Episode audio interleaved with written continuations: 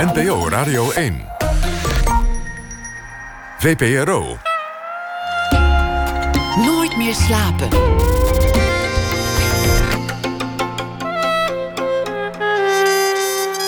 Met Elvie Tromp. Welkom bij Nooit meer slapen. Het einde van het jaar is in zicht en dat betekent lijstjestijd. Bij onze vrienden van VPRO Cinema is de stemming geopend voor de beste film van het jaar 2017. En deze week vertelden kenners over hun favoriete film van de afgelopen maanden. Rond half twee spreken we met componist Merlijn Twaalfhoven. En hij vertelt waarom Moonlight de titel Film van het jaar 2017 verdient. Ook hebben we schrijver Don Duins voor u in petto. Hij leest straks een verhaal bij, voor, bij het nieuws van de afgelopen dag. En komend uur zit tegenover mij, dus tot een uur of half twee, Koen van de Wart. 24 is hij pas en hij maakt internationaal naam met zijn band Klankstof. Eerder was hij bassist van een van Nederlands succesvolste hedendaagse rockbands, namelijk Mos. Maar de rol van frontman trok hem toch en Klankstof werd geboren. Dit jaar speelde hij op het Amerikaanse festival Coachella als eerste Nederlandse band ooit. En op 30 december staat hij in Paradiso. Hij had een druk jaar met meer dan 100 shows, waarvan het merendeel in Amerika. Koen, welkom. Hoi. Hoi. Oh, dat was een heel spoor begin Sorry, meteen. Ja, ja, ja, ja, ja. Ik dacht dat ik mijn stem kwijt was, maar hij is er weer. Het is laat, ik snap het. Heb je, heb je een zware dag gehad? Uh, ik heb het expres heel rustig aangedaan. Ik had één interview met het parool. En daarna dacht ik, ik ga nu slapen. Dus ik heb ongeveer uh, eigenlijk gewoon de hele dag geslapen. Ja, je ziet er beter uit dan ik. Dat kunt u zien op de, op de webcam. Hij ziet er heel fris bij. Um, ik wil het zo hebben over uh, waarom je muziek bent gaan maken. Um, ik wil het hebben over hoe het was, uh, Coachella. Wat voor... Um, wat je wilt uit uitbrengen uh, met je muziek, wat je dromen zijn. Maar ik wil het eerst hebben over de band zelf. Um, klankstof, wat betekent dat? Um, ik wilde eigenlijk dat het niks betekende. Um, dat ik vaak vind met bands die echt een naam hebben dat iets betekent. Hmm. Dat vind ik altijd een beetje raar klinken. Of fout klinken, want je hebt gelijk een idee erbij. dus ik dacht, ik pak een Noors woord en een Nederlands woord. Dus klank betekent een soort van uh, echo in het, uh, in het Noors. En stof is gewoon stof in het Nederlands. Um, dus eigenlijk betekent het echo-stof. Ja, want jullie zijn een Noors-Nederlandse band, klopt dat? Ja, een beetje. We zijn nu nog maar één vierde Noors. Alleen onze gitarist is Noors. Uh, maar ik ben daar wel echt begonnen met muziek maken. Dus ik voel me eigen wel heel erg Noors als het om muziek gaat. Ja, ja daar gaan we het zeker ook uh, uh, over hebben. Over je puberteit in Noorwegen. Um, jullie zijn een band, maar je componeert voornamelijk alleen. Hoe gaat dat proces van liedschrijven voor jou? Um, ik denk dat ik vooral gewoon er niet te veel over wil nadenken als ik het doe. Dus ik ben niet zo iemand die uh, een gitaar pakt en dan akkoorden gaat zoeken en een couplet en een refrein schrijft.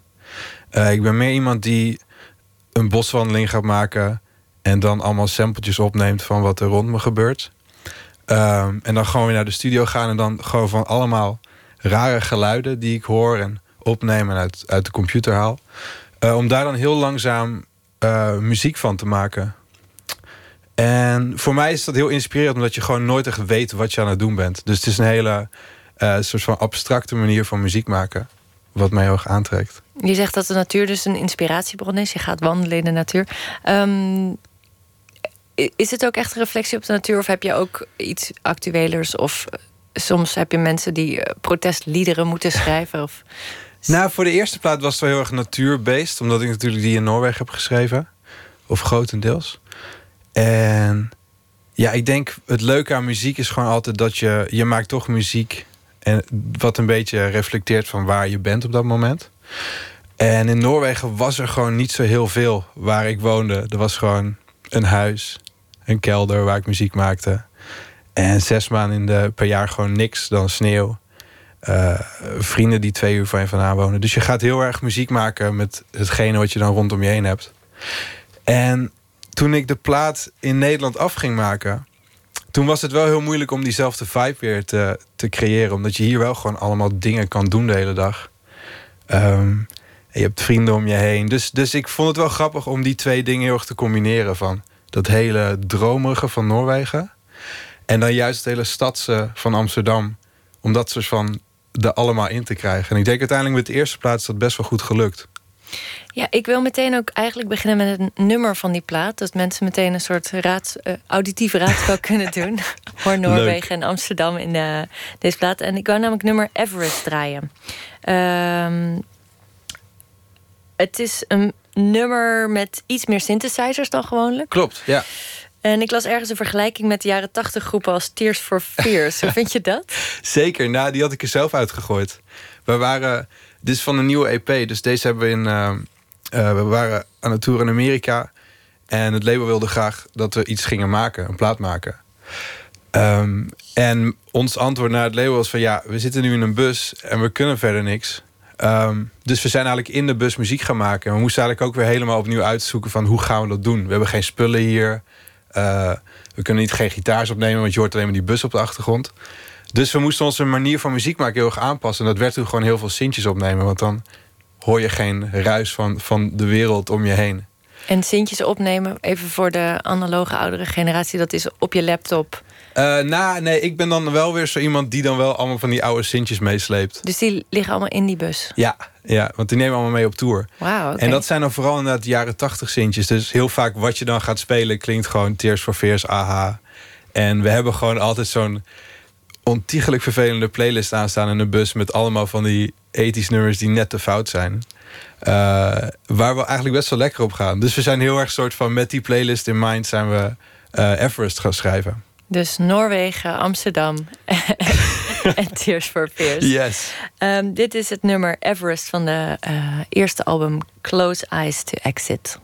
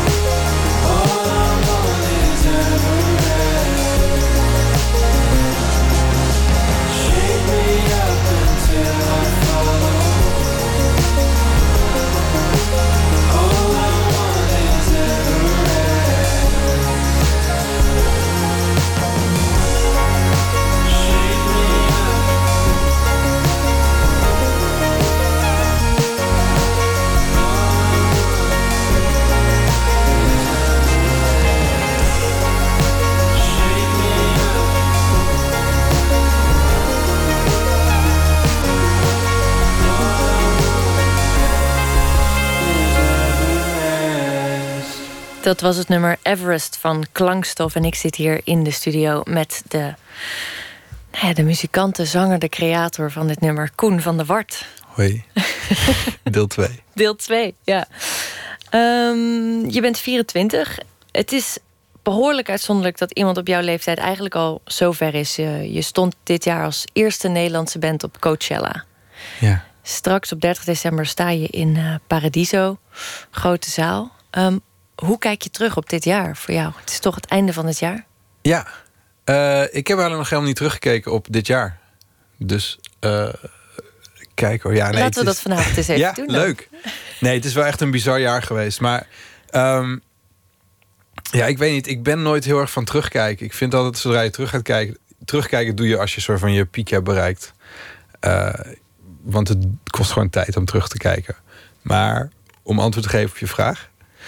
Um, ja, het was wel echt een bizar jaar. Ik bedoel, eerste Nederlandse band ooit op Coachella. Dat was natuurlijk al best wel iets uh, wat niet iedere, iedere band meemaakt. Ja, laten we even beschrijven. Hoe belangrijk is Coachella voor een carrière van een band? Uh, voor mensen die nog nooit van het festival hebben gehoord. Kun je uh, uitleggen, wat is het voor festival? Ja, het is eigenlijk gewoon het grootste popfestival ter wereld. Dus dat is waar Justin Bieber en waar Daft Punk en al die legendarische acts soort van hun optredens geven. En, een en ook zijn ontdekt in feite, toch? Ja, ja. ja en, en het grappige aan, aan Coachella is dat ze eigenlijk nooit nieuwe bands laten spelen. Het is natuurlijk geen Eurosonic of een Glastonbury... waar ze vaak gewoon een podium hebben waar ze nieuwe bands laten spelen. Um, dus het was best wel raar dat ze ons vroegen in eerste instantie. Um, maar het heeft ons wel heel erg geholpen. Er waren gewoon echt super veel mensen die kwamen kijken. En ook gewoon als je daarna geboekt wil worden voor andere festivals... en je kan zeggen van, hé, hey, we hebben op Coachella gestaan... Dan, dan zeggen zij heel snel van, oh, kom dan maar spelen... want dan zal het wel goed zijn. Um, dus het heeft ons wel heel erg geholpen. Dus het is ook een soort um, kwaliteitsdrempel die je dan over bent ja, als ja, band. Ja. ja. ja. Um, in je interviews benoem je regelmatig dat het belangrijk voor je is om normaal te blijven. Het is zo'n beetje het Hollandste wat je zo kan zeggen, denk ik, als muzikant. Yes. Wat, uh, waarom, waarom zeg je dat? Um, waarom zeg ik dat?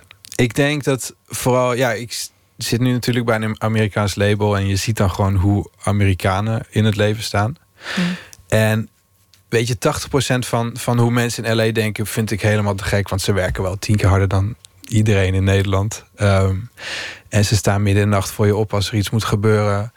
Um, maar uiteindelijk zijn ze ook wel een beetje doorgedraaid uh, in hoe zij sterren zien. En als ik soort van met mijn collega's bij het label praat, dan denk ik soms wel van: um, zijn jullie nog wel dankbaar voor wat er gebeurt? Kun je me een voorbeeld noemen met een collega waarvan je dacht: Nou, dit vind ik zo walgelijk diva gedrag? Nou, er komt gewoon een punt dat je, dat je een uitverkochte show doet. En dat je nog steeds een beetje raar tegen je, tegen je publiek doet. Of je gaat na de show niet even bij de merchandise staan om handtekeningen uit te delen. En dat zijn allemaal van die kleine dingen die ik wel gewoon altijd heel belangrijk vind. Want um, ik wil wel gewoon altijd diegene zijn die heel erg dankbaar is dat mensen een ticket kopen. Of dat ze je willen zien. En je kan toch mensen um, echt raken of zo met je muziek. En om even hooi tegen iemand te zeggen, vind ik echt het minste wat je kan doen als muzikant zijn. Dus met normaal blijven bedoel ik misschien vooral dat ik heel graag hard wil blijven werken. Ook al ben ik de grootste band frontman ter wereld, wil ik nog steeds die gast zijn die gewoon na de show iedereen een handje geeft en wil, kan bedanken. Duidelijk. Um, je was eerder bassist voor de band Mos. Een band waar je als tiener veel naar luisterde. En van de duizenden auditanten werd jij gekozen. Als jonge jongen. Je was twintig. Ja. Kun je me even meenemen naar dat moment? Um, je had geen formele optraining, uh, training, geen, weinig Nee. optreedervaring. Nee, ik woon in Noorwegen en ik studeerde music management. Oké, en deze band is een Nederlandse band. Ja, ja. Dus uh, ik was fan van hen op Facebook en ik zag een bericht voorbij komen van hey, we zoeken een bassist. En ik was echt mijn, mijn school compleet aan het uh, verneuken. Het is midden in de nacht. Ja, dan mag dat wel. Dan mag het. uh, en ik dacht, oké, okay, mijn enige optie om uit dit rare leven te stappen is door iets raars te gaan doen. Dus ik had nog nooit bas gespeeld, maar ik dacht, laat ik het proberen. Ehm, dus ik had ze gemaild en ik zei volgens mij... ik ben 23 en ik heb heel veel bas gespeeld en bla bla. Helemaal gewoon vol gelogen. En ze zeiden van... eh, ja, nee, als je wil, kom maar naar Nederland. Dan kunnen we een paar liedjes uitproberen. Ehm, dus een eh, paar weken later zat ik bij een oefenruimte in Amsterdam. Die liedjes heel goed geoefend. Eh, ik voelde me nog wel een beetje raar, want ik speelde wel gitaar. Maar ik speelde ook een beetje bas als een gitarist. Dus met een plektrum en een beetje houterig. Dus je bent echt even terug. Dus je bent echt bas gaan spelen om die auditie te gaan doen. Ja, ja. Dat, ja. Het is gestoord. Het was wel, het was wel eh, een, eh, ja... Met een ballsy move. Dat is wel heel Ja. erg veel lef. En M- gewoon... Maar het was wel heel leuk. Ik weet nog, Ja. we kwamen die oefenruimte binnen en de vibe was gewoon goed. En uiteindelijk is dat heel belangrijk als je een nieuw eh, maatje zoekt om mee te spelen. Is natuurlijk de vibe is heel belangrijk. Want je gaat natuurlijk wel het hele land door en je zit elkaar. Je bent gewoon de hele tijd bij elkaar. Dus gewoon dat er een goede vibe is, is misschien bijna net zo belangrijk als kan die er ook wat van. Ja. Ehm, en ik denk dat die combinatie gewoon precies goed was, waardoor ze uiteindelijk wel voor mij hebben gekozen en niet voor een hele geschoolde, saaie bassist. Ja, Mos is wel echt een band eh, van een generatie voor jou. Eh, Ja, je was ja. wel echt een, eh, een jonge hond. Die ze... Ja, ja. Maar nou, hoe lang heb je uiteindelijk in die band gezeten? Volgens mij 2,5 jaar. Ja, Klankstof werd aanvankelijk aangekondigd als zijproject van Mos. Ja. Waarom? Eh, nou, ik heb dat nooit verzonnen. Volgens mij is dat 3 voor 12 die dat toen is gaan schrijven. En ja, wie ben ik om daar te, iets tegen in te gaan zeggen, doen. Eh, maar het was dus wel zo dat de, de jongens van Mos... die, die speelden ook mee met klankstof. Ehm, dus het was wel heel erg een zijproject in de zin van... het was minder bekend en het waren dezelfde mensen. Als dat is hoe je een zijproject omschrijft, dan klopt het natuurlijk wel. Ehm, en het was ook echt bedoeld als hobby. Het was gewoon, oh, Koen heeft wat liedjes, leuk. Gaan we daar na de repetitie even aan werken. En dat is een beetje hoe klankstof toen is ontstaan. Ja, ik wil meer straks weten eh, wanneer je dat dan serieus begon te nemen. Ehm, maar ik dacht, misschien is het nu wel mooi om het nummer Hostage te, dragen, eh, te draaien. Dit nummer betekent het startschot van de band Klankstof. En je zat nog in de band Mos toen je het schreef. Klopt. Dus dit is Hostage. hostage.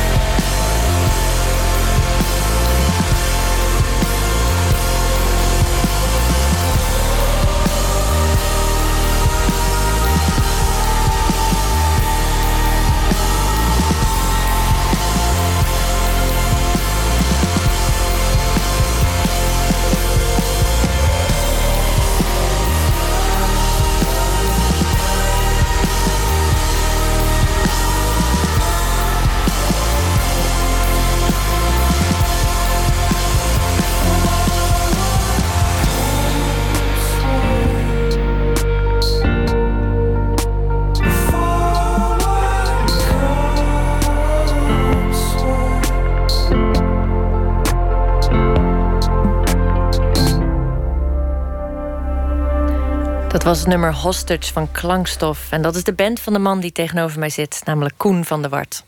Koen, je zat uh, nou ja, in, de, in de band waar je als puber naar luisterde. Ja. Je werd aangenomen als uh, bassist, als broekie van 20, zonder uh, formele training, weinig ervaring.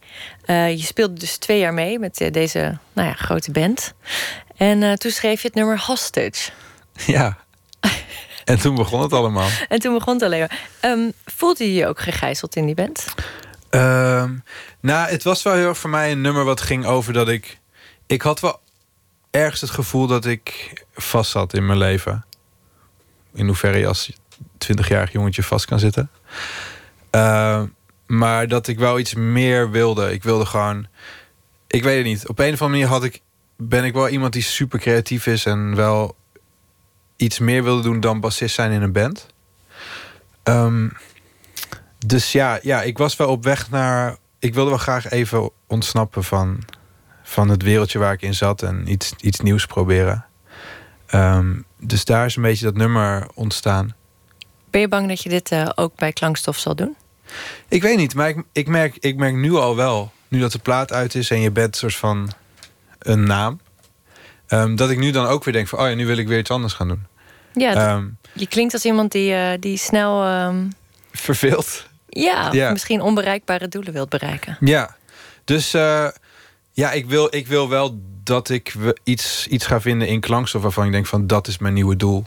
Uh, want ik denk dat het raar is om nu dan weer iets heel anders te gaan doen. En ik weet wel dat muziek soort van mijn roeping is. Um, dus nu is gewoon mijn volgende stap is om te kijken van wat interesseert mij heel erg in muziek. Van wat, wat vind ik nou nog interessant om te doen. Uh, en dat heel erg te gaan volgen. En kun je die vraag uh, voor me beantwoorden? Uh, nee, want het is bij mij wel altijd iets waar ik dan ineens tegenaan loop. Dat kan een geluidje zijn, een synthesizer, een studio, een producer. Gewoon, weet je, gewoon iets wat dan ineens in je leven gebeurt, waarvan je, waardoor je heel getriggerd raakt. En ineens denkt van, oh ja, daar ga ik een plaat over schrijven. Ja. Maar dat moet wel even gebeuren. Op zoek naar inspiratie en uitdaging dus. Ja, ja. ja. Dat is op microniveau zo. Um, maar het is nu na twaalf. Je mag in het donker altijd uh, zo groot dromen als je wilt. Klopt, ja. Um, hoe groot zou je willen worden met klankstof? Uh, ja, dan de, gewoon de grootste band op aarde.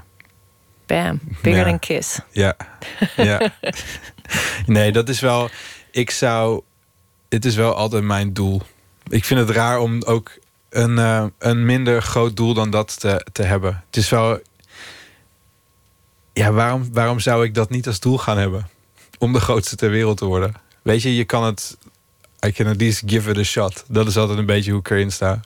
Vind ik een hele gezonde keuze, maar ook een gevaar voor teleurstelling dreigt. Uh, ja, maar dat gebeurt dan pas over 40 jaar. Oké, okay, nou, dan hebben we dan tegen die tijd misschien nog een keer zo'n gesprek. uh, met klankstof uh, wilde je internationaal investeren. Ja. En met Mos niet. Ja, met Mos had ik gewoon niet echt de keuze. Weet je, dat was. Uh, we zaten bij Excelsior Recordings, dus een label in Amsterdam. En um, volgens mij, ja, ik was niet degene die kon zeggen van nee, weet je wat we gaan doen? We gaan een deal tekenen in Amerika. En met klankstof, toen we Hostage uitgebracht hadden, er zat er geen label achter. Het was meer van, laten we het uploaden en kijken wat er gebeurt. En toen kregen we ineens heel veel aanvragen vanuit Amerika. En dat begon bij mij gewoon heel erg te kriebelen. Ik dacht van, wauw, dit is wel een van mijn dromen. Weet je, ik wil um, liever vier maanden door Amerika toeren... dan in zeven dagen door Nederland toeren. Um, dus met dat uh, in mind heb ik een deal getekend in Amerika. Klopt, en van dat avontuur en hoe dat verder gaat... gaan wij zo na het nieuws meer horen. Dat na het nieuws van 1 uur.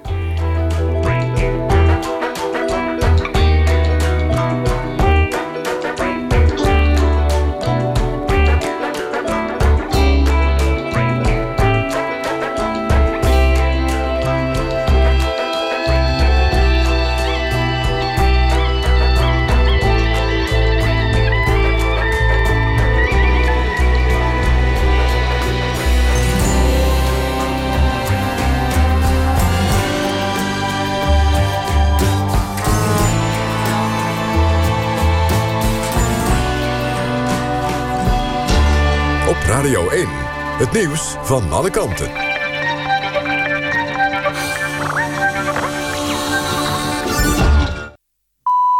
Het is 1 uur, dit is Jeroen aan met het NOS-journaal.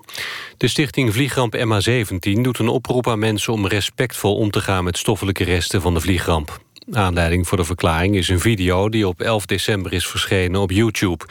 Hierop laat de omstreden videojournalist Patrick Lancaster 52 botresten zien... die waren gevonden in Oekraïne in de buurt van de rampplek.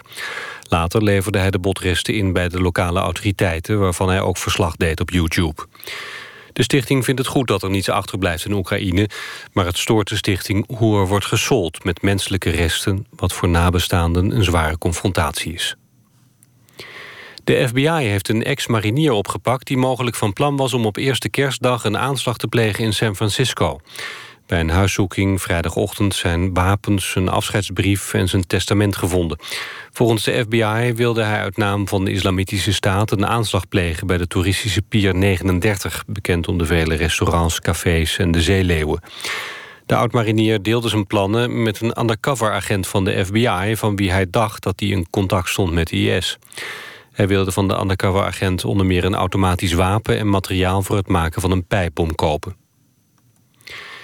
In het grote FBI-onderzoek naar corruptie en fraude binnen de FIFA... zijn voor het eerst twee voetbalbestuurders schuldig bevonden. Het zijn oud-voorzitter Naput van de Zuid-Amerikaanse Voetbalbond... en oud-voorzitter Marin van de Braziliaanse Bond.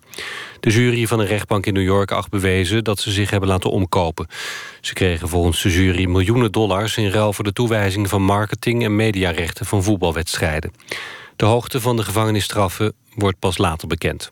In het grote Amerikaanse proces rond de corruptiebeschuldigingen van FIFA-bestuurders zijn in totaal meer dan 40 verdachten gearresteerd. Het weer kans op mist en af en toe motregen. In de loop van de nacht wordt het zicht beter. Minima tussen 5 en 9 graden. Overdag veel bewolking met wat lichte regen... en het wordt 9 à 10 graden. Dit was het NOS Journaal. NPO Radio 1. VPRO. Nooit meer slapen.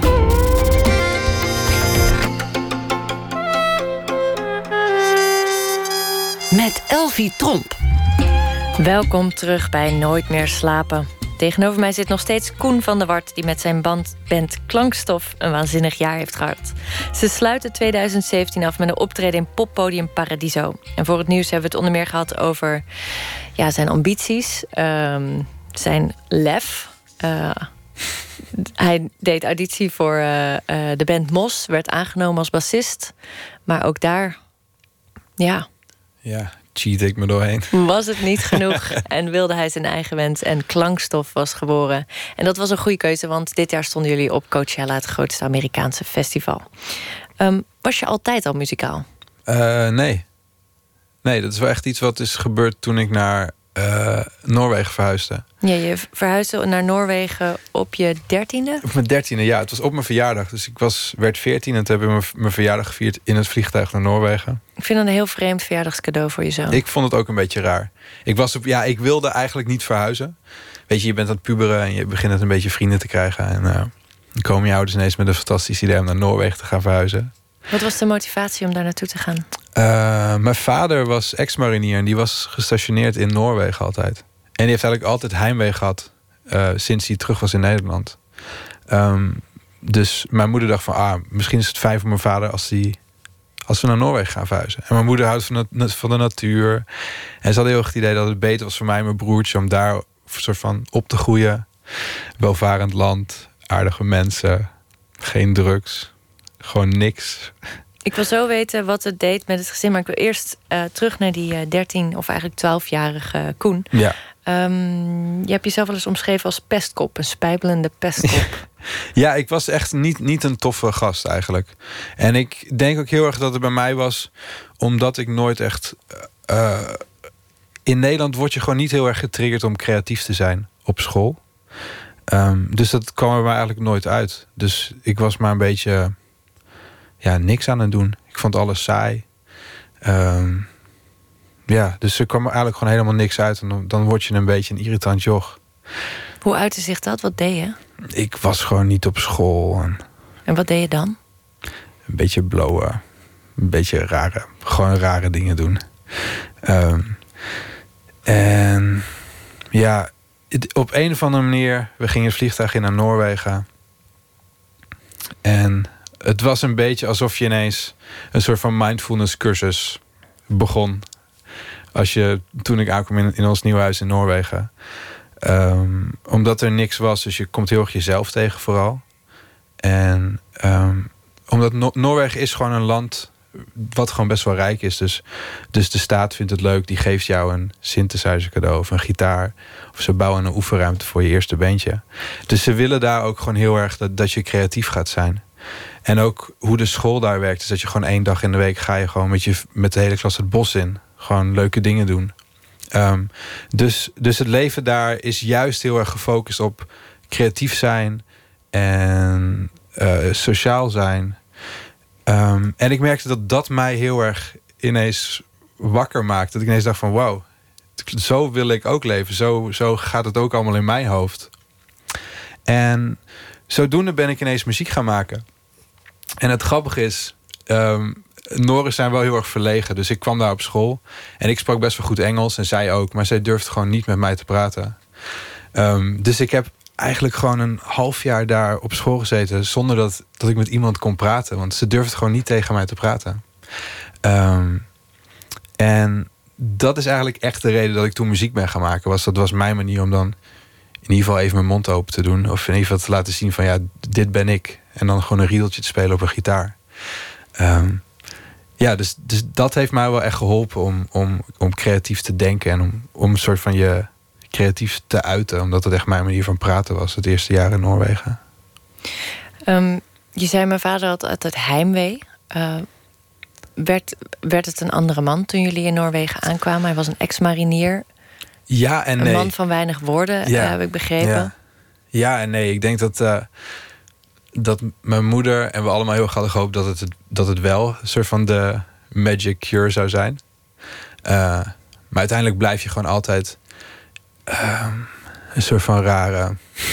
Het is een hele toffe gast, maar je merkt gewoon dat hij wel nog heel erg dat heeft van alleen de mensen met wie ik bij de marine zat, dat zijn mijn vrienden. En voor de rest heb ik geen vrienden, want dat zijn geen echte vrienden. Weet je, dat is nog steeds hoe hij in het leven staat en hoe hij denkt.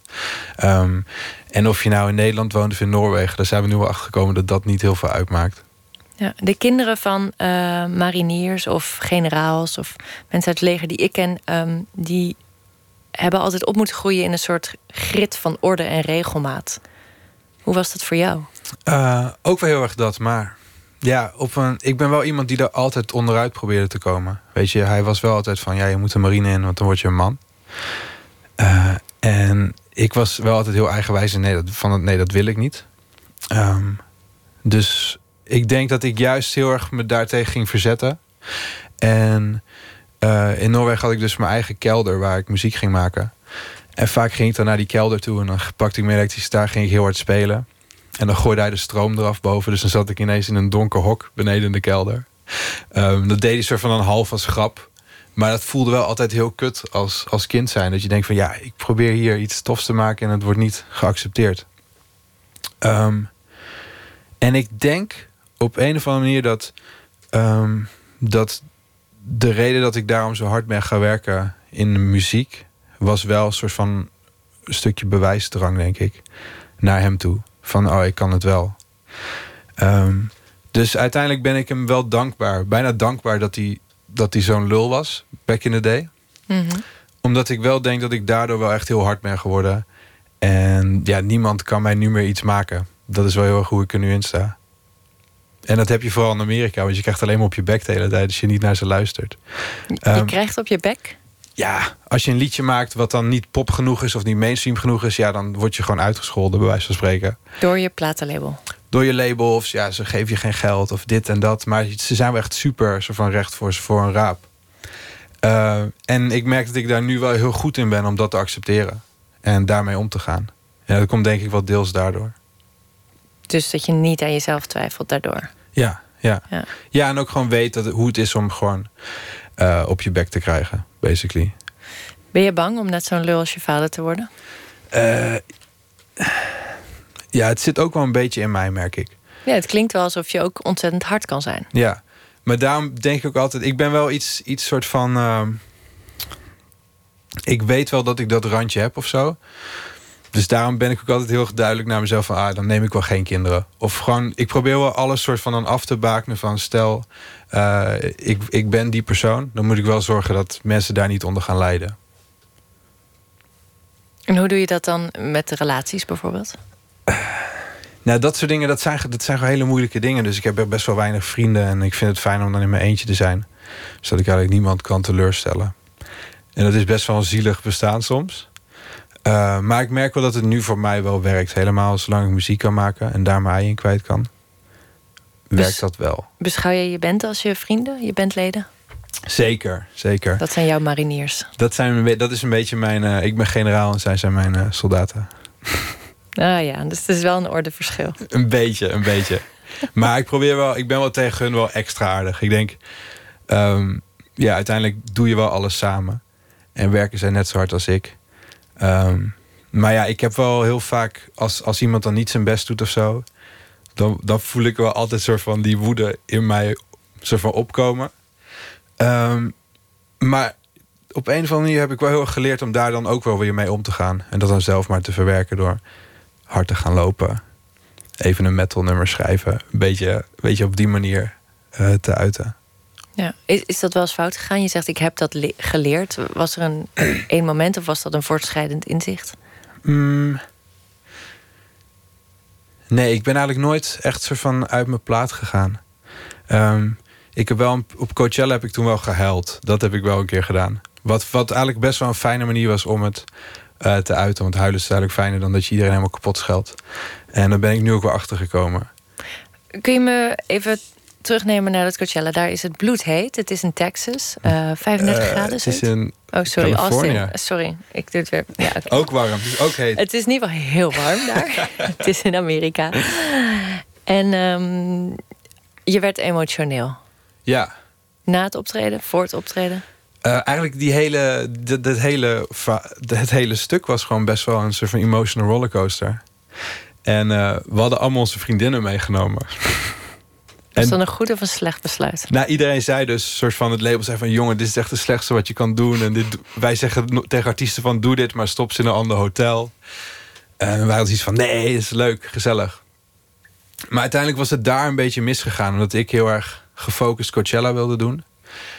En, en dat ik merkte van de rest van de band... die wilde graag met hun vriendin zijn en met hun vriendin uit eten. En toen had ik heel erg zoiets van... ja, maar we staan op Coachella, we moeten werken... we moeten repeteren en samen zijn en toffe dingen doen... en zorgen dat we de beste show ooit kunnen geven. En toen merkte ik ineens dat ik daar heel erg alleen in was. En toen ben ik echt super verdrietig geworden. Toen heb ik iedereen naar, naar mijn kamer geroepen. En toen ben ik echt helemaal soort van kapot gegaan. Dat ik zei van ja, ik investeer zoveel geld en het is, dit voelt zo goed. En, en weet je, laat me nu niet in de steek of zo. En eh, ja, op een of andere manier was dat wel een heel goed moment voor mij. Omdat ik toen wel besefte van ja, dit is een veel betere manier om iets op te lossen dan om niks te zeggen. Of door uit je plaat te gaan. Dus dat was uiteindelijk een goed moment. Ja, Ja. dat is een eh, pril inzicht dan. Ja, Coachella was ja, deze zomer. ja. Eh, je had niet alleen je vriendin meegenomen, maar ook je ouders. Klopt, ja. Wat eh, best pittig lijkt. eh, me, me best pittig lijkt als je zo'n beladen band hebt met je vader. Ja, maar dat werd wel steeds, steeds beter. Ik denk dat hij uiteindelijk zo van... Sinds ik naar Nederland ben verhuisd en sinds Klankstof wel oké ging... merkte ik dat hij zoiets had van... Ik ben eigenlijk heel trots op je, of zo. Ehm, dus die band werd ineens een stuk beter. En ehm, ja, hij was ook nooit van de complimentjes vroeger. Eh, en toen ik hem zag staan eh, in die hitte tijdens ons optreden op Coachella... Dat was wel een heel speciaal moment. Want mijn moeder stond daar, mijn broertje stond daar... en mijn vader stond daar. Ze waren allemaal een beetje soort van een truitje aan het wegpinken. Want zij zitten in Noorwegen. Zij hebben geen idee wat er aan de hand is met klankstof. En om dan aan de andere kant van de wereld te zijn... en ineens te zien dat er 4000 man daar staan... en die staan mee te zingen... dat was gewoon voor ons allemaal een moment van... wauw, het, het is gelukt. En ja, sindsdien heb ik ook echt een veel betere band met mijn vader. Dat hij iets zoiets heeft van... Oké, ik ben trots op je. Laten we iets leuks gaan doen een keer. Wat we eigenlijk nooit deden vroeger. Dus we zijn nu naar de Formule 1 geweest eh, in België. Gewoon de eerste keer dat ik iets met mijn vader ging doen. Wauw, Ja, hoe was dat? leuk. Ja? Ja, Zag je een andere man? Eh, ja het was alsof, alsof we vrienden waren of zo. Wat ik nooit zo... Dat, ja, dat heb ik eigenlijk nooit echt gehad. Dus ik wil dit, dat nu gewoon vasthouden. Vriendschap buiten de mariniers. Precies. Mooi. Ja, ja. Ehm, je zei dat je een broer had. Hoe, hoeveel verschillen je, jullie? Tweeënhalf jaar Is hij ouder of jonger? jonger. Ja. Je zei eh, ergens ook dat ehm, je kon twee dingen doen in Noorwegen: gamen of muziek maken. Ja, En je broer koos het eerste, gamen. ja. Ja, ja ik, was wel, ik was ook altijd echt een gamerboy. Ehm alleen kwam ik ineens de muziek tegen. En hij had dat niet. Ehm, waardoor we eigenlijk... Ja, ik merkte heel erg van... We, zitten allebei in dezelfde situatie. En hij gaat er met die manier mee om. Ehm, en ik ga er op deze manier mee om. Maar het is wel allebei een soort van manier... Ik denk van een beetje ons... eh, ja, misschien wel mijn vader ontvluchten. Op een rare manier. Weet je, hij ging naar boven, headset op gamen. Ik ging naar beneden, headset op gitaar spelen. Ehm, dus het is wel grappig om te zien wat er... Ja, wat eigenlijk de verschillende uitvalshoeken zijn van zo'n situatie. Maar dat is natuurlijk om gek van te worden voor je vader. Ehm, ook een gamer is niet een marinier. het is niet een eh, Nee. uiting van eh, op- en top mannelijkheid, lijkt me. Nee, nee. Nee, dus dat is wel iets waar hij mee heeft moeten dealen, denk ik. Ja. ja. Maar Ja. zoals ik al zei, ik merk gewoon dat, dat het nu voor hem ook minder uitmaakt. Ik denk dat hij nu zoiets heeft van... Ik ben toch trots op mijn jongens. Ze zijn volwassen, ze hebben stemrecht. Ik denk het, ja. ja. Mijn ja. taak is volbracht. Ehm, de kerstdagen komen eraan. Hoe, hoe ga je die vieren? Met je familie of juist niet? Of... Ja, heel verdrietig. Ik ben gewoon in mijn eentje met kerst. Ik heb oprecht, ik ga denk ik in de studio zitten met kerst. dus ik heb ook eigenlijk... eh, nee, ik heb er niet zo heel veel mee. Mijn ouders komen naar Nederland voor de Paradiso Show. Dus dat is 30 december. Ehm, maar met kerst, ik denk dat ik gewoon lekker in mijn eentje iets leuks ga doen. Meen je dat nou? Ja, is dat zielig? Ik weet het niet. Nee, niet als je, het, als je het tevreden... Ik hoop dat je, weet je wel, kerststories in de bonus. ik neem wel lekker eten mee, dat wel. Je nee, maar ik ben helemaal niet zo. Ik ben toch iets te introvert voor dat soort feestjes en dingen. Dus ik vind het veel fijner om dan lekker met mezelf iets te doen. Oké. Ik wil nog even een nummer ehm, van je draaien. We Are Your Receiver. Een nummer van jullie debuutalbum Close Eyes to Exit. Ja, doe.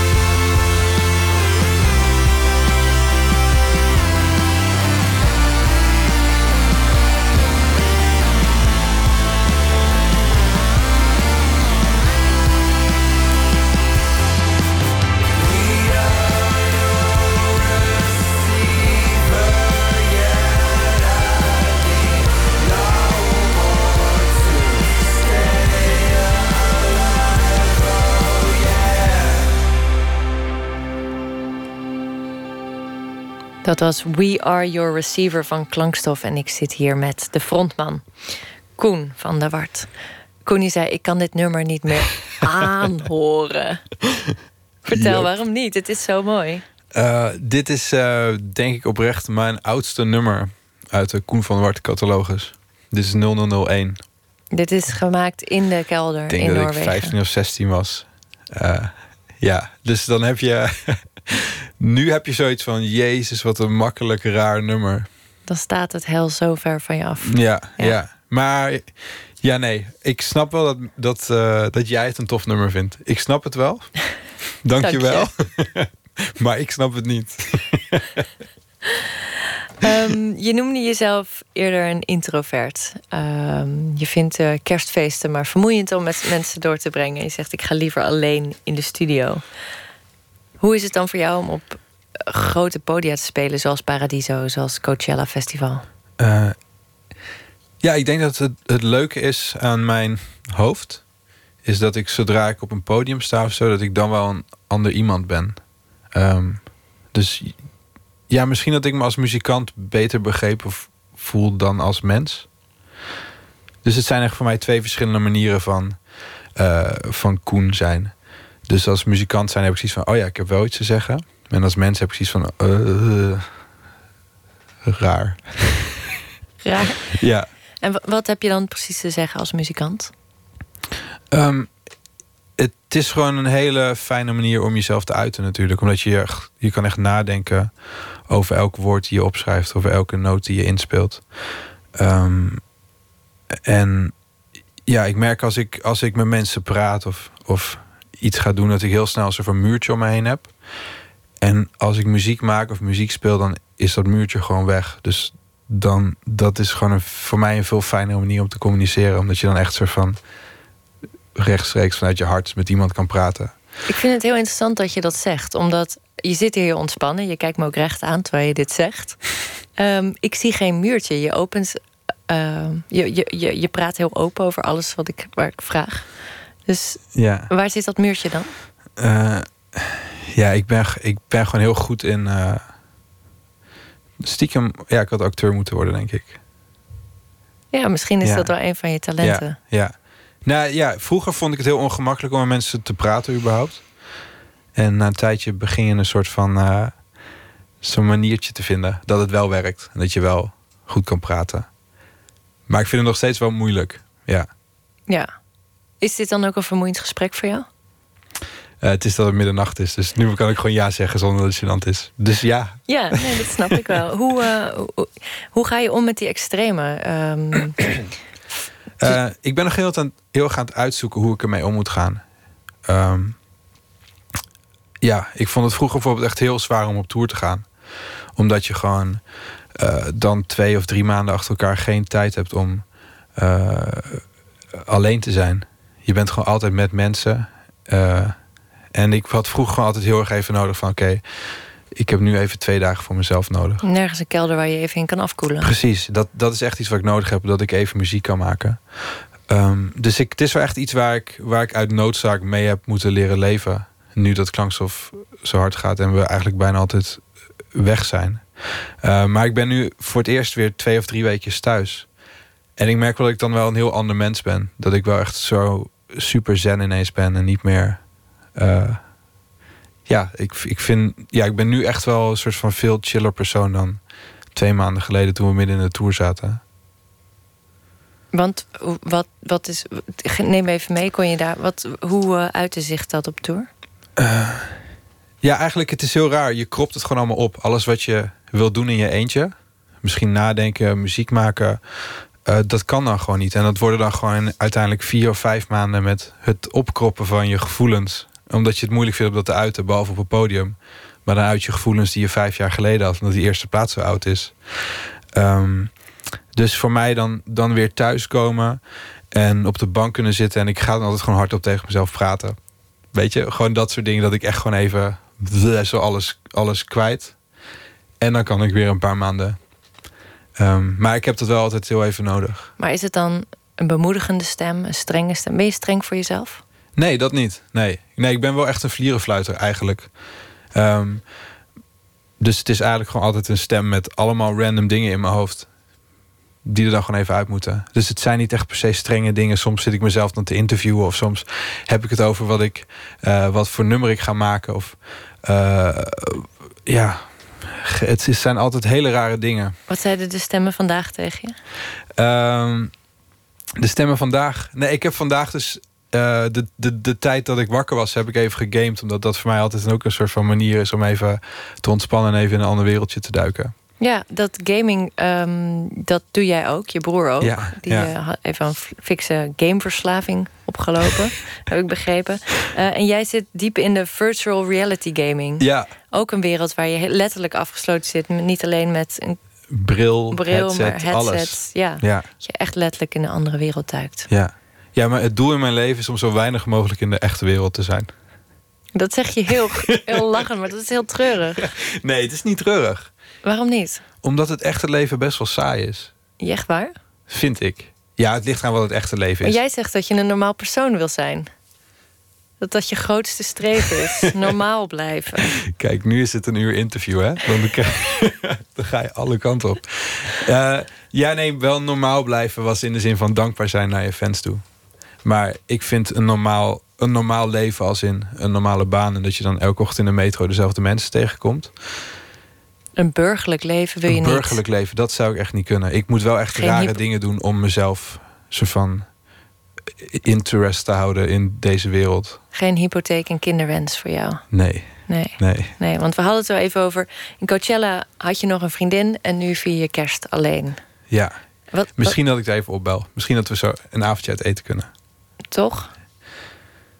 Ja, bij deze, als ze luistert. Ze werkt bij 3FM, dus ze zit nu bij Serious Request. Dus ze heeft denk ik, ze zit denk ik niet te luisteren. Moeten we een shout-out doen? Ja, Nina, zullen we uit eten gaan? Ah, Nina, kom op. Koen wacht op je. Ehm, we gaan de laatste paar minuten van dit interview in. Eh, waar ligt de toekomst voor jou? Wat zijn nog... Ehm, Denk groot, droom groot. Je zei ook, ik wil de grootste, de, de Ja, grootste ja, ja, ja. eh, eh, band van de wereld worden. Ik moet misschien acteur worden. ik heb het idee dat het nog alle kanten op met je kan. nou, ik ga 15 januari ga ik naar LA toe voor een paar maandjes. En dan ga ik lekker schrijven. Waar ga je naartoe? LA, L.A. ja.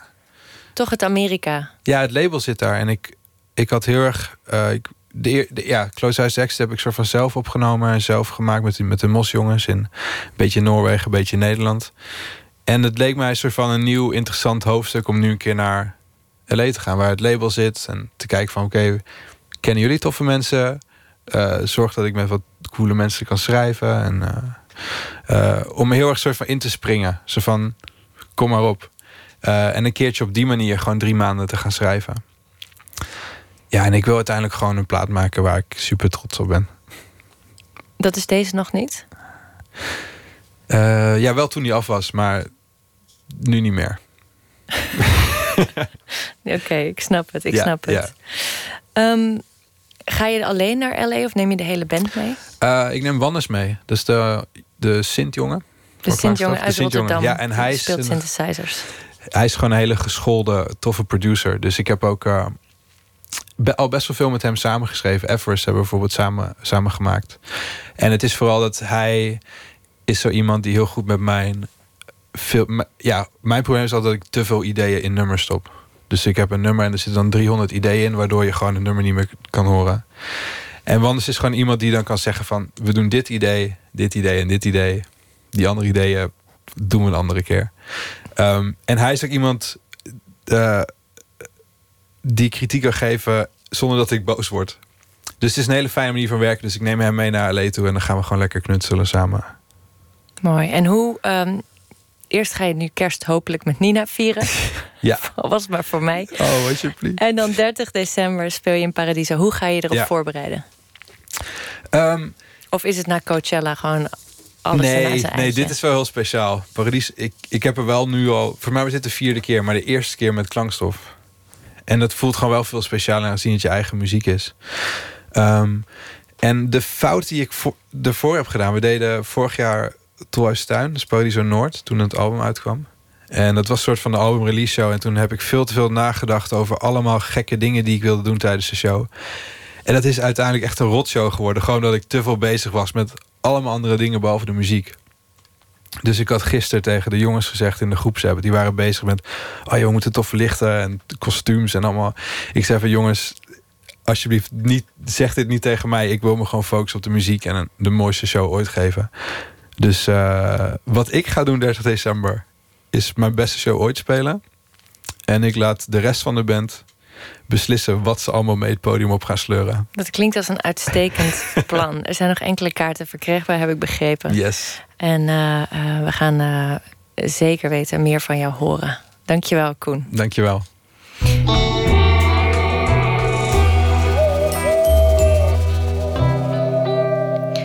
Door met muziek nu. Northern Soul was een muziekgenre dat halverwege de jaren 60 ontstond in de mod scene in Engeland. Anno 2017 kent dat nog fans en beoefenaars. Zoals de Noord-Hollandse band The Tibbs met zangeres Elsa Beckman. Zij maakte haar nieuwe liedjes in die Northern Soul-stijl. Luister nu naar The Lies.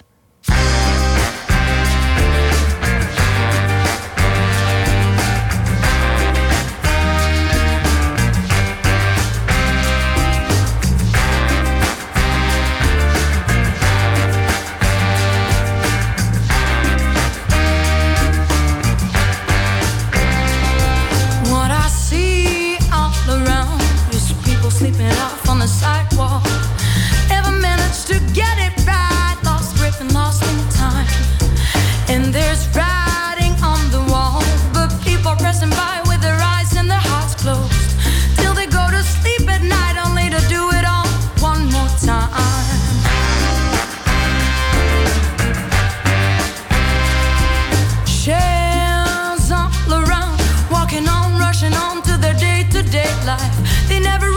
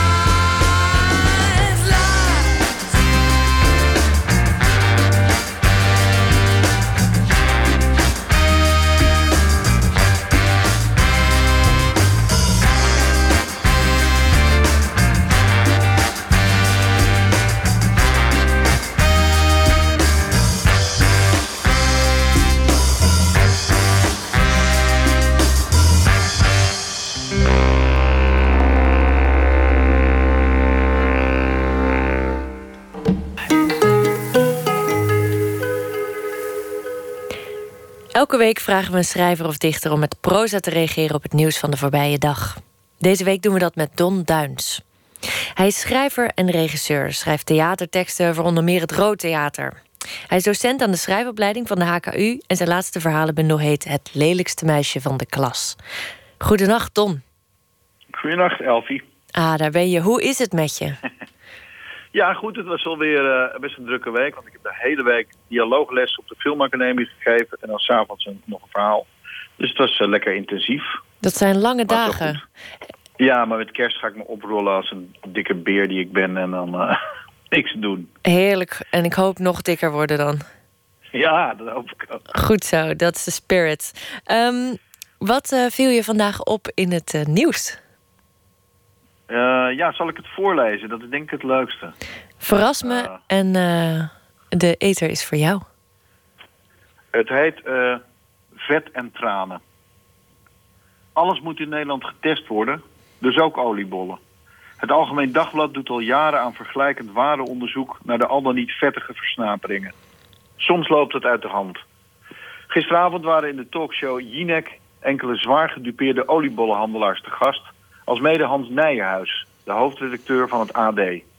Die laatste, de hoofdredacteur, ging niet bepaald tactvol te werk in discussie met de Haarlemse oliebollenbakker Jordi Bakker, what's in a name, die vorig jaar een 1 kreeg voor zijn baksels.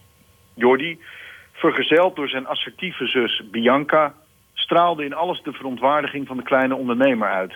Maar hij lachte charmant als hem de mond gesnoerd werd.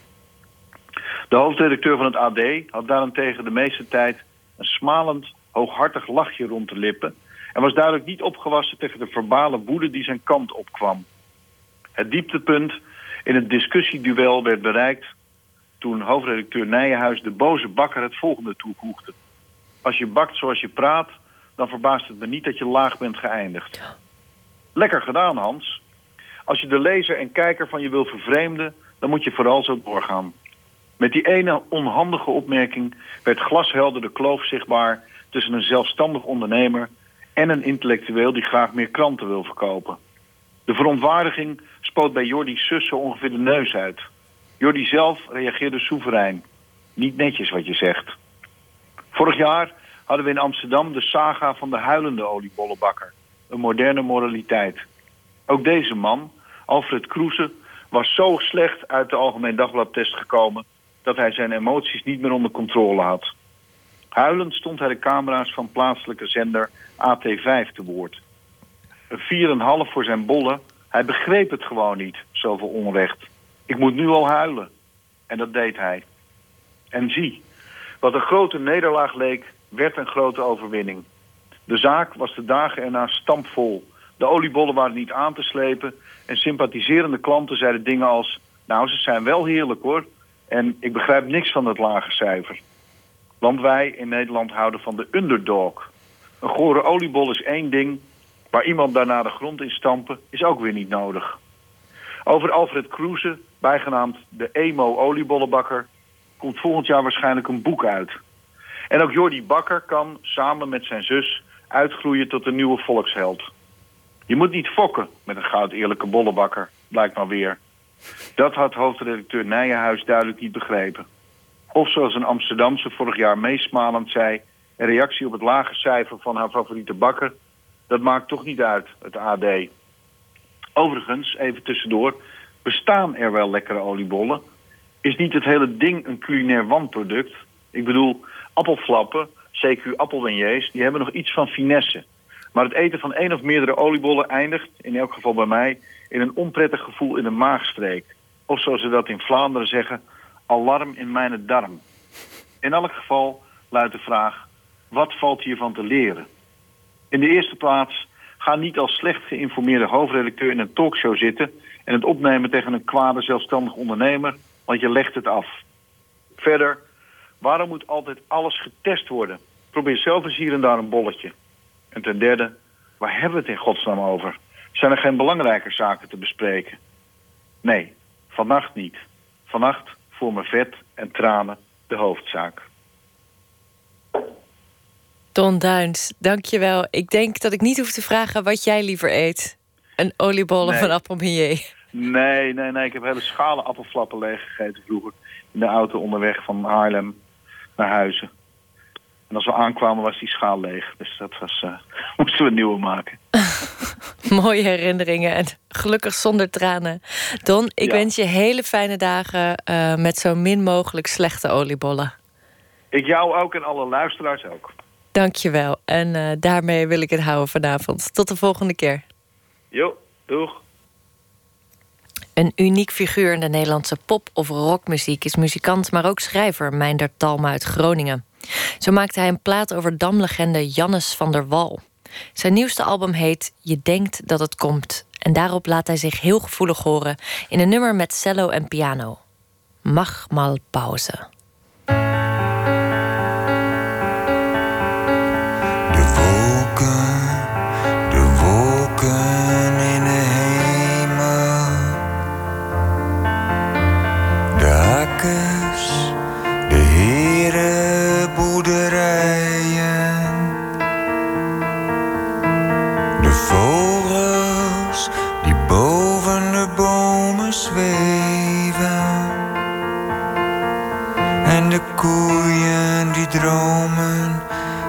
Een vorig leven.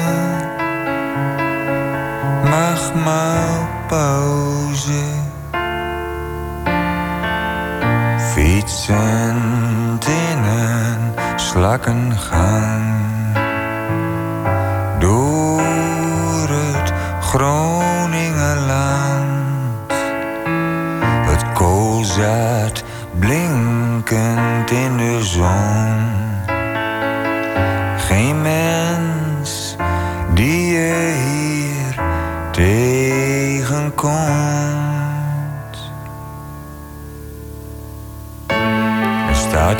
Beste wind, even kijken of ik een mooi plekje vind. Ja, dit moet hem zijn hier bij de slootkant. Ik heb een fiets vol met proviant. Een hard gekookt ei en een lauw blikje bier van Duitse makelij. Mag maar pauze. Fietsend in een slakkengang. Door het Groningenland. Het koolzaad blinkend in de zon. Geen mens die je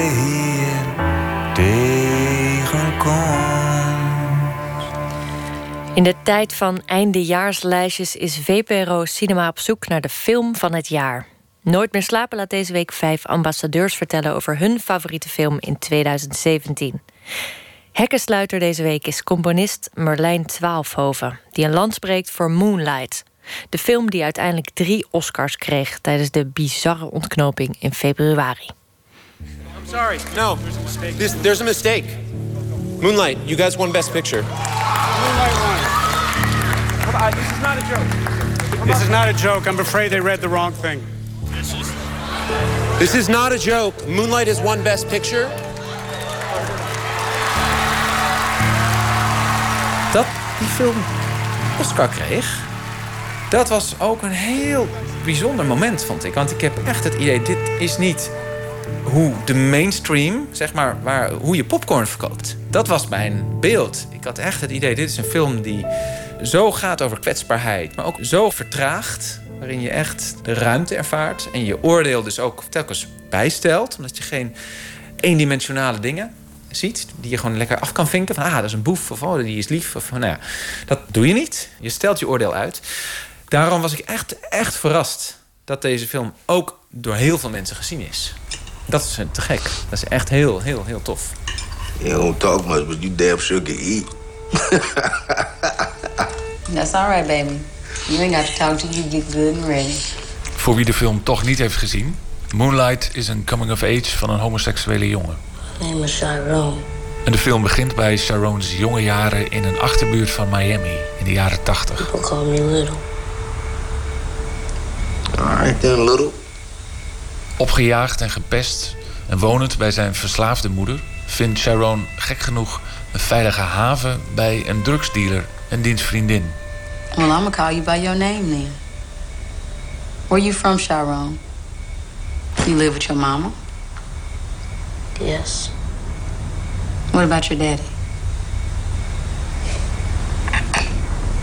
That's all right. You want us to take you home then, after you get finished eating your food? Yeah, you gotta tell us where you live, bro. Ik herinner me volgens mij een bord spaghetti die uh, uh, Lidl kreeg. No. En het beeld om ineens te eten te krijgen en te ervaren van oké, ik ben nu ergens welkom. You can stay here tonight. Would you like that? En tegelijkertijd kon ik me voorstellen dat dat, dat is natuurlijk nog lang niet genoeg. Er zit zoveel ja, wantrouwen in zo'n kleine jongen. Die heeft zo vaak is hij teleurgesteld geweest. Of zo vaak heeft hij uh, zijn wereld zien veranderen of zien instorten. Dus de, de reserve die hij heeft... Uh, volgens mij hij eet wel uh, zijn spaghetti. maar het, dat idee om te zeggen... oké, okay, ik ben veilig, maar voor hoe lang nog? Wat, ja, what's next? Wat volgt is een verhaal in drie afzonderlijke delen. De jonge jeugd van Little verspringt naar de tiener Sharon en eindigt bij een volwassen, inmiddels gepantserde Sharon, die zelf een dealer is geworden met de bijnaam Black. Drie verschillende acteurs dus, die erin slagen om de stilte die Sharon om zich heen draagt, alle drie dezelfde lading te geven. Nou, dat is gewoon ongelooflijk virtuoos. Ik geloof dat je om in verschillende leeftijdsfasen als verschillende acteur niet rare trucjes of maniertjes toe te passen, maar gewoon echt dat karakter te kunnen pakken. En wellicht was dat ook wel omdat het niet 100% op lookalikes is gecast. Je mag zien dat het een nieuwe fase is. En die fase wordt ook aangezet doordat daar een ander persoon staat. En dat is ook het verhaal. Dat is de boodschap. Dat is, je kunt niet meer terug. Je kunt niet meer klein zijn. Het omslagpunt bij Sharon volgt wanneer hij wordt verraden door zijn vriend Kevin. Juist om hun liefde voor elkaar verborgen te houden. Yo, Kev. Hit that nigga. Hit that nigga, Kev. Yeah, hit his faggot ass. fuck you waiting on? Do it. Come on. Let's go.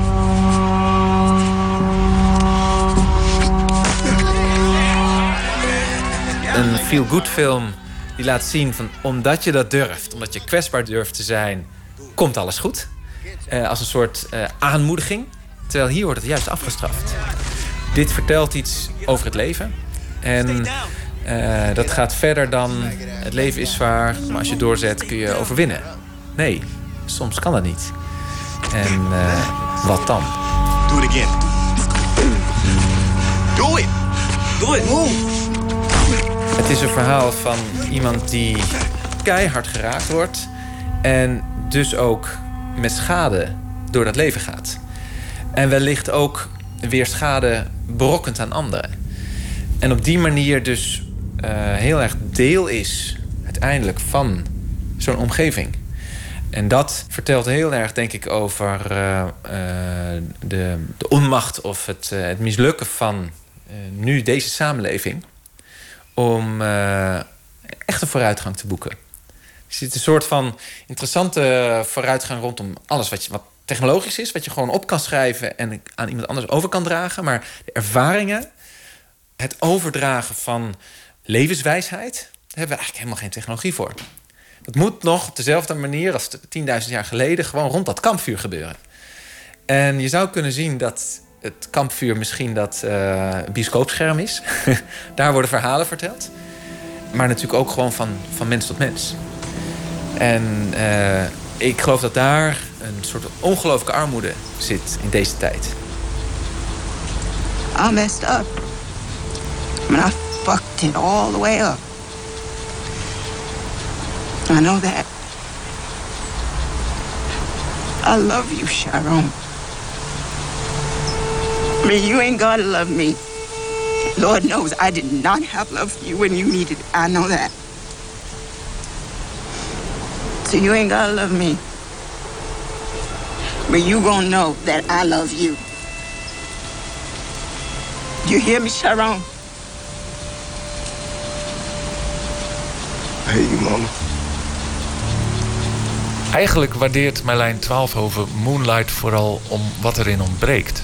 Geen ingewikkeld plot, geen conclusie, geen beloning voor een kwetsbare held. En juist daardoor is het een veel universeler verhaal dan dat van een homoseksuele man in een zwarte gemeenschap. Intimiteit vinden, zoeken, alleen zijn of samen zijn, ergens bij horen of niet. Dat is in het verhaal van de hoofdpersoon heel aanwezig, heel urgent.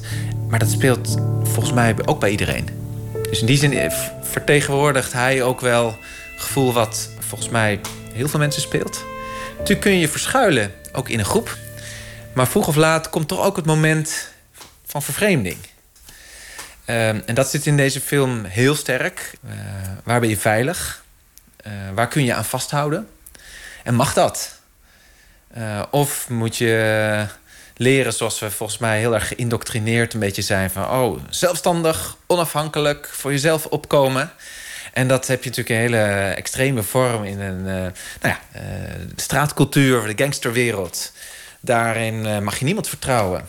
Moet je altijd gewapend zijn. Ehm, bijna symbolisch voor wat we in onszelf moeten bestrijden. Die onveiligheid. En juist, en ik denk dat we dat door te beseffen ten eerste dat we kwetsbaar zijn, maar dat we ook uh, dat anderen dat ook ervaren. Ook die jongens in de groep die allemaal zo roepen en schreeuwen en zo comfortabel lijken, die zijn wellicht ook eenzaam. En uh, uh, ik denk dat dat een essentiële stap is om uiteindelijk ook het gevoel van ergens thuis te zijn, te kunnen en te mogen ervaren.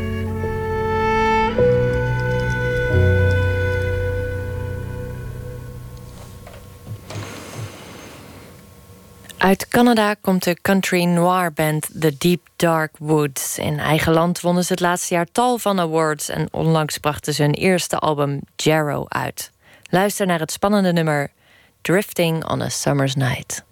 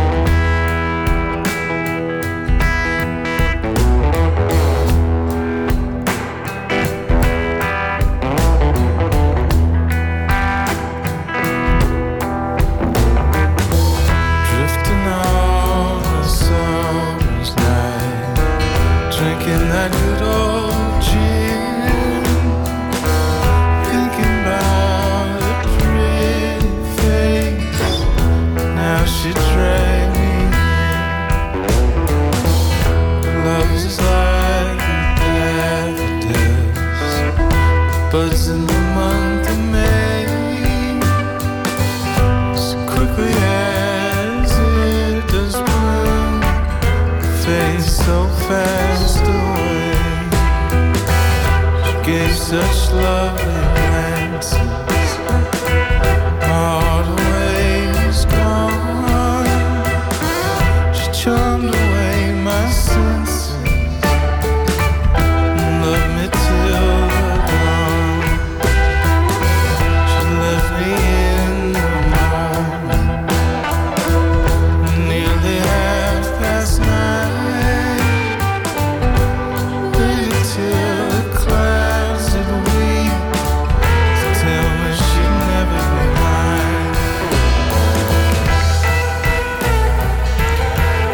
Nu van Abdelkader Benali. We spraken hem afgelopen jaar op de Nacht van de Poëzie in Utrecht over zijn meest recente bundel, Wax Hollandaise.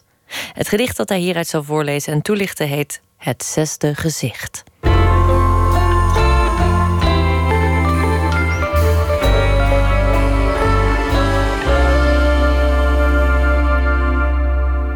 Het zesde gezicht.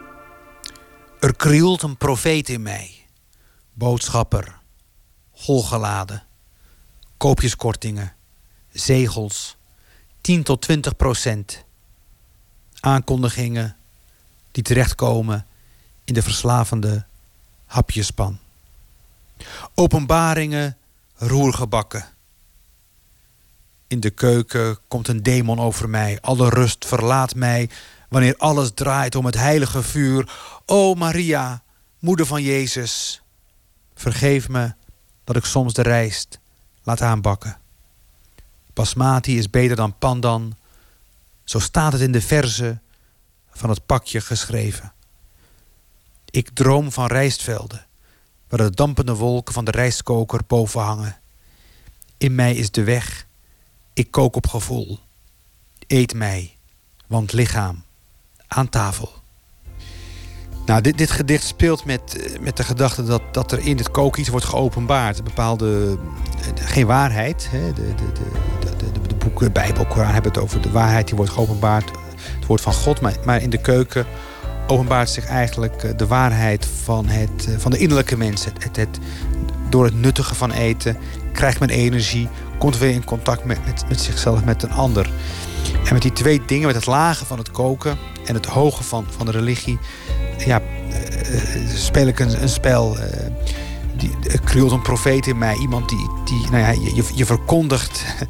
In, in, dit geval verkondig je dat er gegeten gaat worden. Dat je gaat eten. Je, je smeekt de goden om je te helpen bij, bij, bij het niet laten aanbakken van de rijst. Nou, dat soort, ja, dat soort parallellen met, met, met religie zie ik ook in het koken. En hebben hun weg gevonden in dit gedicht.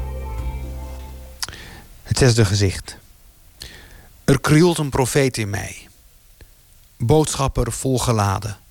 Koopjeskortingen, zegels. 10 tot 20 procent. Aankondigingen die terechtkomen in de verslavende hapjespan. Openbaringen, roergebakken. In de keuken komt een demon over mij. Alle rust verlaat mij wanneer alles draait om het heilige vuur. O Maria, moeder van Jezus. Vergeef me dat ik soms de rijst laat aanbakken. Basmati is beter dan pandan.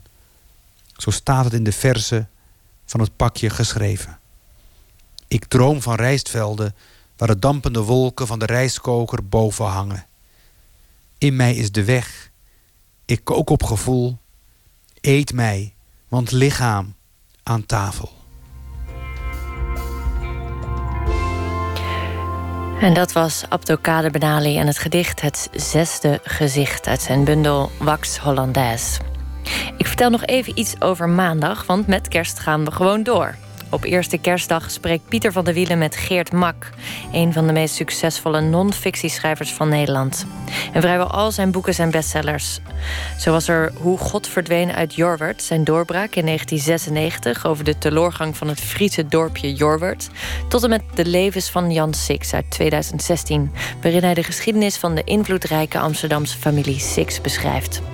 Dit jaar was een bijzonder jaar voor de schrijver, want hoewel Mak geen historicus is, kreeg hij onlangs de Prins Bernhard Cultuurfondsprijs uitgereikt vanwege zijn staat van dienst als auteur van boeken over de Nederlandse en Europese historie. Dat onder meer maandag. Ik ben zelf dinsdag en woensdag weer bij u. En straks kunt u luisteren naar de Nacht van de Radio met Malou Holshuizen. Ik wens u een goede nacht. Tot nooit meer slapen.